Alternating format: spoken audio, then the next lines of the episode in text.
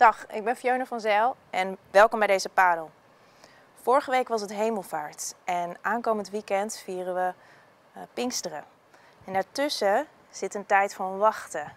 Zoals Jezus zei tegen zijn discipelen, wachten tot de belofte van de Vader in vervulling zal gaan. Daar bedoelde hij natuurlijk mee de Heilige Geest. Uh, die kwam met Pinksteren en dat vieren we dit weekend. Nou, over dat wachten, daar wil ik met je over hebben. Want wanneer heb jij voor het laatst lang op iets moeten wachten? Nou, grote kans dat je in het afgelopen jaar meer over wachten hebt geleerd dan in de vele jaren daarvoor. Want um, ik denk dat we misschien wel waren vergeten wat wachten was tot maart 2020. De crisis waar we in zitten heeft als het ware op de pauzeknop gedrukt van een heleboel dingen in onze samenleving. Een groot deel van onze sociale leven staat in de wacht. Um, en wanneer zouden we als gemeente weer in één ruimte samen mogen komen? Uh, misschien moest je heel lang wachten om uh, weer te mogen werken, om, om naar school te gaan, of misschien wacht je nog steeds. En uh, misschien wacht je op een medische ingreep. Maar hoe voelde of hoe voelt dat wachten? En was het wachten waard? We zeggen waard omdat wachten ons iets kost. Het kost energie. Je kunt er soms volledig van leeglopen. Wachten is normaal gesproken ook niet iets wat we graag doen. Zeker in een tijd waar we vinden dat processen steeds sneller en efficiënter moeten lopen, vinden wij wachten eigenlijk het verdoen van onze tijd. Voelt frustrerend. En we zijn ook niet bewust bezig met dat wachten. We willen er liever aan ontsnappen, liever afleiding zoeken. Want uh, ja, wist je nog ooit een tijd dat je in de rij voor de kassa kon staan en geen mobiele telefoon had om even te checken? David heeft het in de psalmen vaak over wachten op God.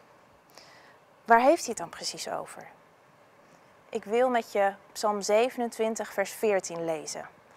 En ik raad je aan om even te pauzeren um, en het hele psalm even te lezen. Um, maar ik ga samen met je het laatste vers van dit psalm lezen. Er staat: Wacht op de Heer. Wees dapper en vastberaden. Ja, wacht op de Heer. In de nieuwe staatsvertaling staat hij ook heel mooi. Daar staat: Wacht op de Heer. Wees sterk en Hij zal uw hart sterk maken. Ja, wacht op de Heer. Psalm 27 heeft me in de afgelopen jaren uh, misschien wel van alle psalmen het meest over gebed geleerd. En dat wees sterk en vastberaden, dat klinkt bijna als een bevel. Maar het zou ook misschien als een zegen kunnen zijn bedoeld. Maar wat is dan de kip en wat is het ei? Word ik, um, stelt sterk zijn mij in staat om te kunnen wachten? Of uh, word ik sterk door te wachten? Voor een beter begrip van dat bijbelse concept van wachten wil ik graag naar het Hebreeuwse woordje daarvoor kijken. En dat woord is kava, wat hier wordt gebruikt. En als je dat woord opzoekt, dan vind je, um, nou ja, uh, verwachten, hopen, verlangen, uitzien naar. Zo iets actiever dan ons passieve begrip van wachten. Maar er is meer. Want de Hebreeuwse taal is um, iets wat je vaak, ja, het is heel zintuigelijk, iets wat je vast kunt pakken, kunt, kunt proeven, kunt ruiken. En eigenlijk betekent dit woordje kava het samenwinden of vlechten van een touw met als doel verstevigen en versterken. Nog één keer. Het samenwinden of vlechten van een touw met als doel verstevigen en versterken. En het betekent ook jezelf vastbinden aan iemand als met een touw. Er wordt wachten even heel iets anders van, hè? Sterker nog, raad eens wat het woord voor wees sterk uit het tweede deel van het vers, wat dat betekent iets samenbinden zodat het sterker wordt. Dus onze singer-songwriter David die speelt hier met deze twee woorden voor wachten en wees sterk. Ze komen uit dezelfde kerngedachte. Namelijk wachten op God is het stevig verbinden van onszelf aan God, zodat we met Hem verweven worden en krachtig worden in Hem. Dus wachten op God is zowel het middel als het doel. Nu wil ik Psalm 130 graag met je lezen.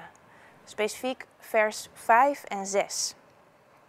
En ik wil je overal laten weten waar dat woordje kava wordt gebruikt. Dus ik zeg niet meer het Nederlandse woordje, maar ik zeg het Hebreeuwse woordje. Psalm 130, vers 5 en 6.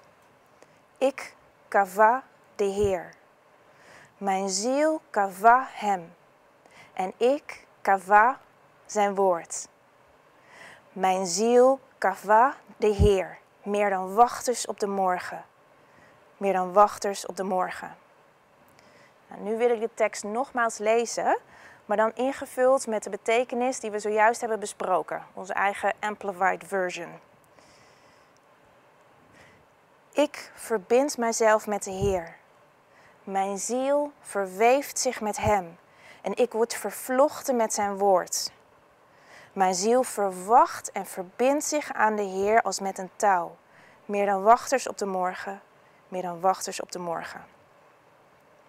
Ik hoop dat dit, het wachten op God, dat concept, een beetje meer voor je gaat leven hiermee. Maar hoe maken we dat praktisch? Hoe geven we dat handen en voeten in gebed? Uh, broeder Laurentius, ik heb hem wel eens vaker genoemd, um, ook al bekend als Brother Lawrence, is een monnik uit de 17e eeuw en hij heeft het ook vaak over dit wachten op God. En hij geeft nog meer namen eigenlijk um, daaraan. En misschien wordt het dan wat duidelijker. Hij noemt het ook een stil gesprek met God. Een innerlijk besef van God. Het liefdevol aanschouwen van God. Ander heeft het ook wel eens gehad over gazing. Um, of zoals zijn boekje van verzameling van brieven heet, Practicing the Presence of God. Oftewel meditatie op de aanwezigheid van God. En met al deze namen die hij noemt, probeert hij hetzelfde te omschrijven. Hoe hij in stilte en zonder agenda bij God is. Weet je, want gebed hoeft namelijk niet met woorden. Misschien zijn de beste gebeden wel zonder woorden. Moeder Teresa zei ooit eens tegen een journalist over gebed: Ik zeg eigenlijk helemaal niks. Ik luister alleen.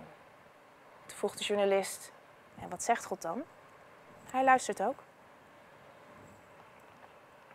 Wat als we eens bij God komen, zonder agenda, in stilte, om daar te wachten op Hem.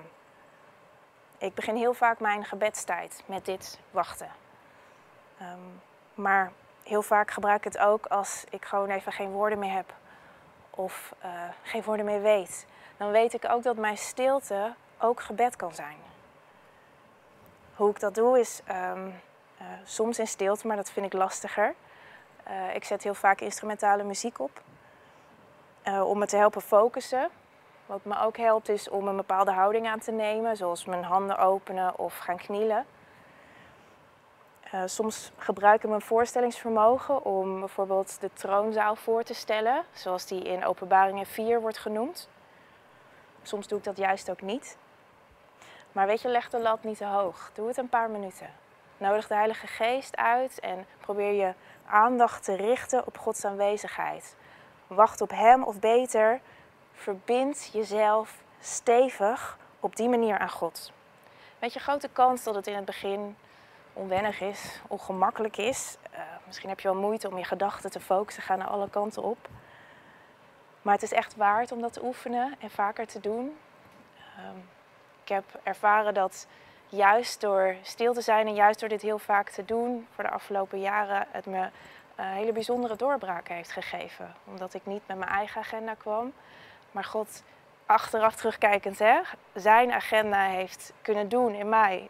In stilte een werk heeft kunnen doen in mij. En vaak dan zat ik daar en dan dacht ik soms bewust van Heer, ik doe helemaal niks. En dan hoorde ik een stem in mij die zei, precies, dat klopt. Dat is precies de plek waar ik je wil hebben. Dus ik hoop dat uh, dit je zal helpen om dat ook te doen.